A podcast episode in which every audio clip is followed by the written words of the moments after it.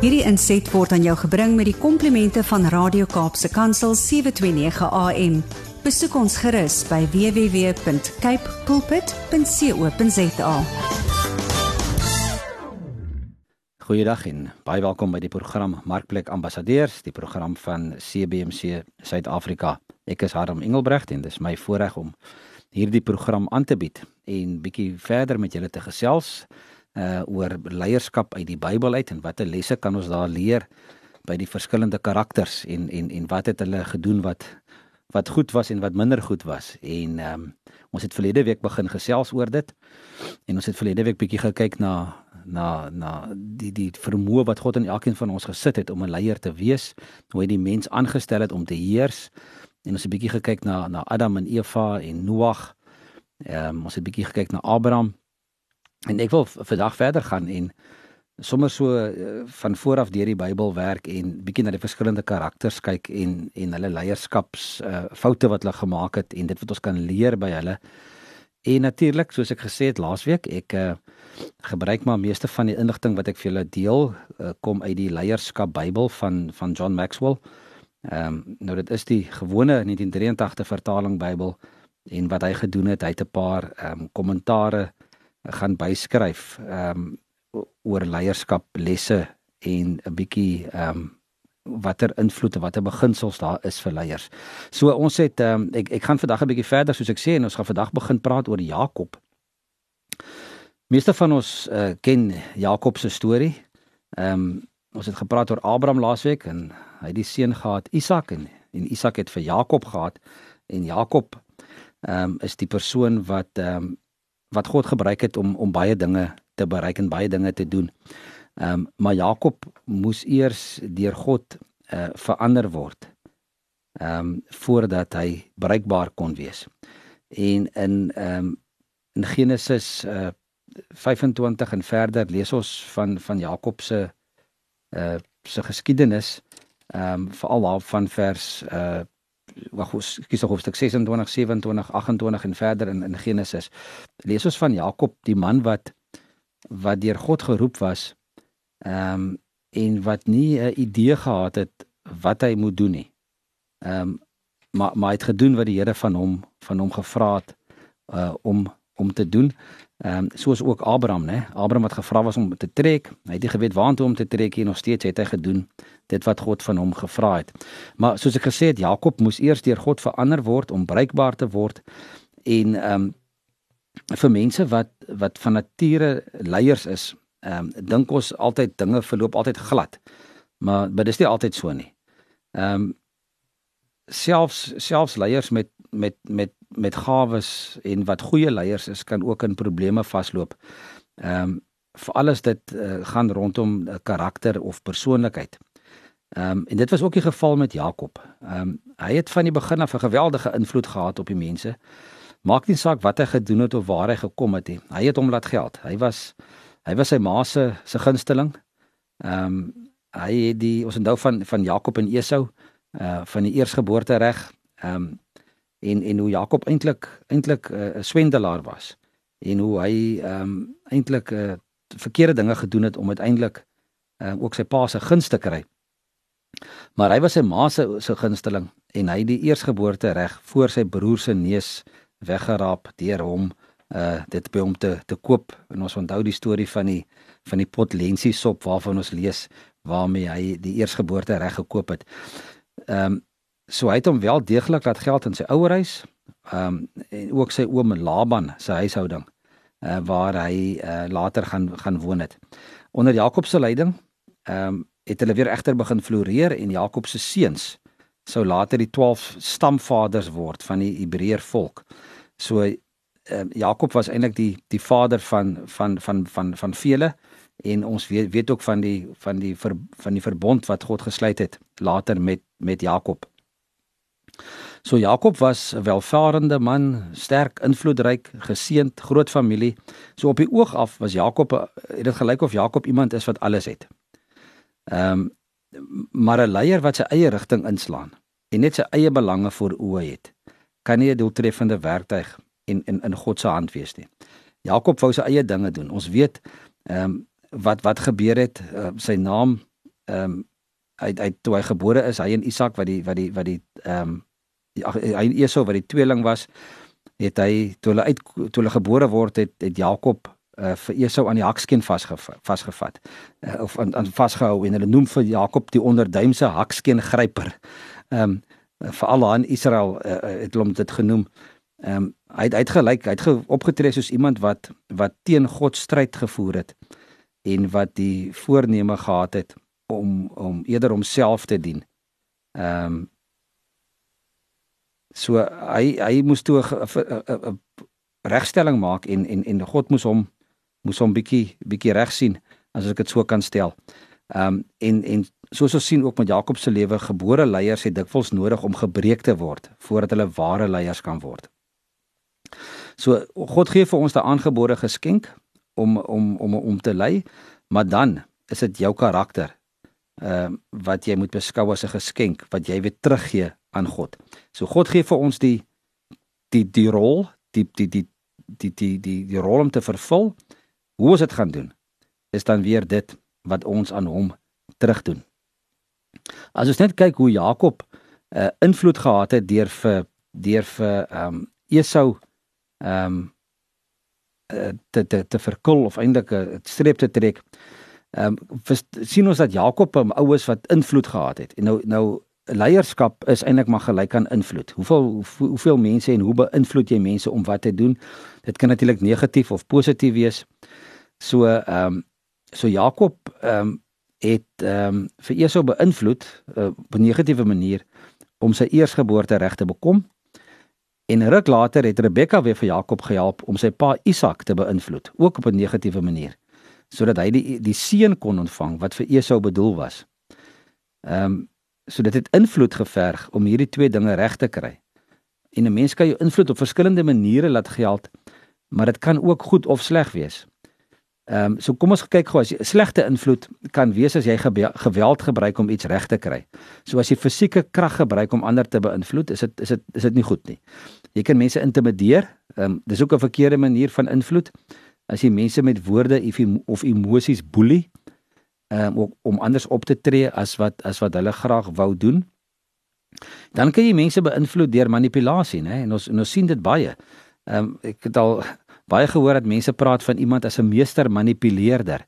En ek dink ehm um, vandag se jeug het op 'n groot mate het baie van die jong mense dit reg gekry om ook hulle ouers op 'n manier te manipuleer. Ehm um, so hulle beïnvloed eintlik hulle ouers deur manipulasie. Dis wanneer jy mense forceer om op te tree teen hulle eie wil. En dan kan invloed ook gebeur deur deur gunstes en gawes te gee as jy iets gee vir iemand in om iets in ruil te kry. Ehm um, soos wat ons weet wat wat ehm um, wat Jakob gedoen het ook met met Esau om die eersgeboorte reg te kry. En dan jy kan invloed kry deur mense te te oortuig of te ooreed as jy vermoë uh met die woord gebruik om mense oor te haal om iets te doen. So jy jy jy praat iemand in 'n ding in. Ehm um, is invloed en dan natuurlik of of ooreding en dan kan jy mense motiveer. En dit is eintlik 'n belangrike ding wat 'n leier moet kan doen is om te motiveer as jy mense kan begeester sodat hulle iets wil doen, dat hulle iets wil doen, dat hulle wil beweeg. En dan natuurlik ook ehm um, jy kan mense beïnvloed as jy vir hulle wys dat jy agting vir hulle het, dat jy hulle eer en dat jy hulle liefhet en dan hulle ook so inspireer om iets te doen.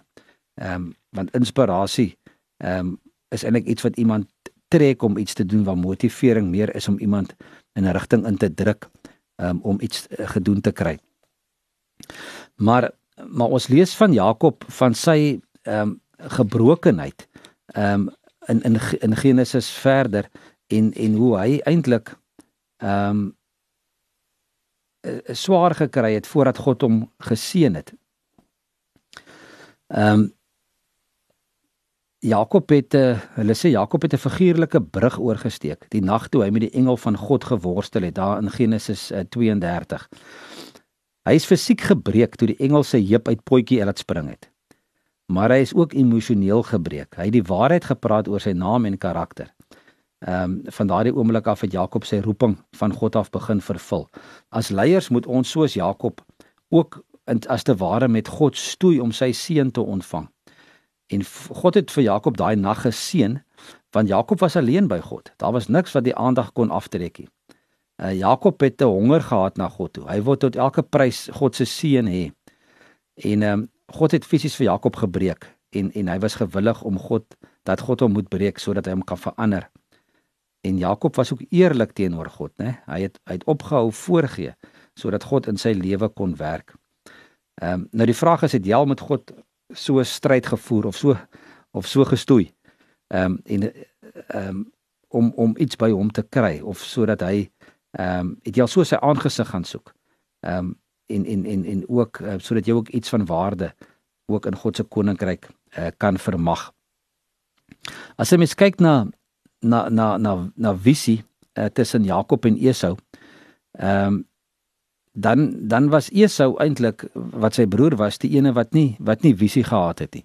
Esau is die ou wat vir die hier en die nou gelewe het. Hy's die ou wat korttermyn voordeel uh, wou kry um, en hy daarmee langtermyn of of ewigdurende voordeel opgegee deur sy eers eersgeboorte reg aan sy broer Jakob te verkoop.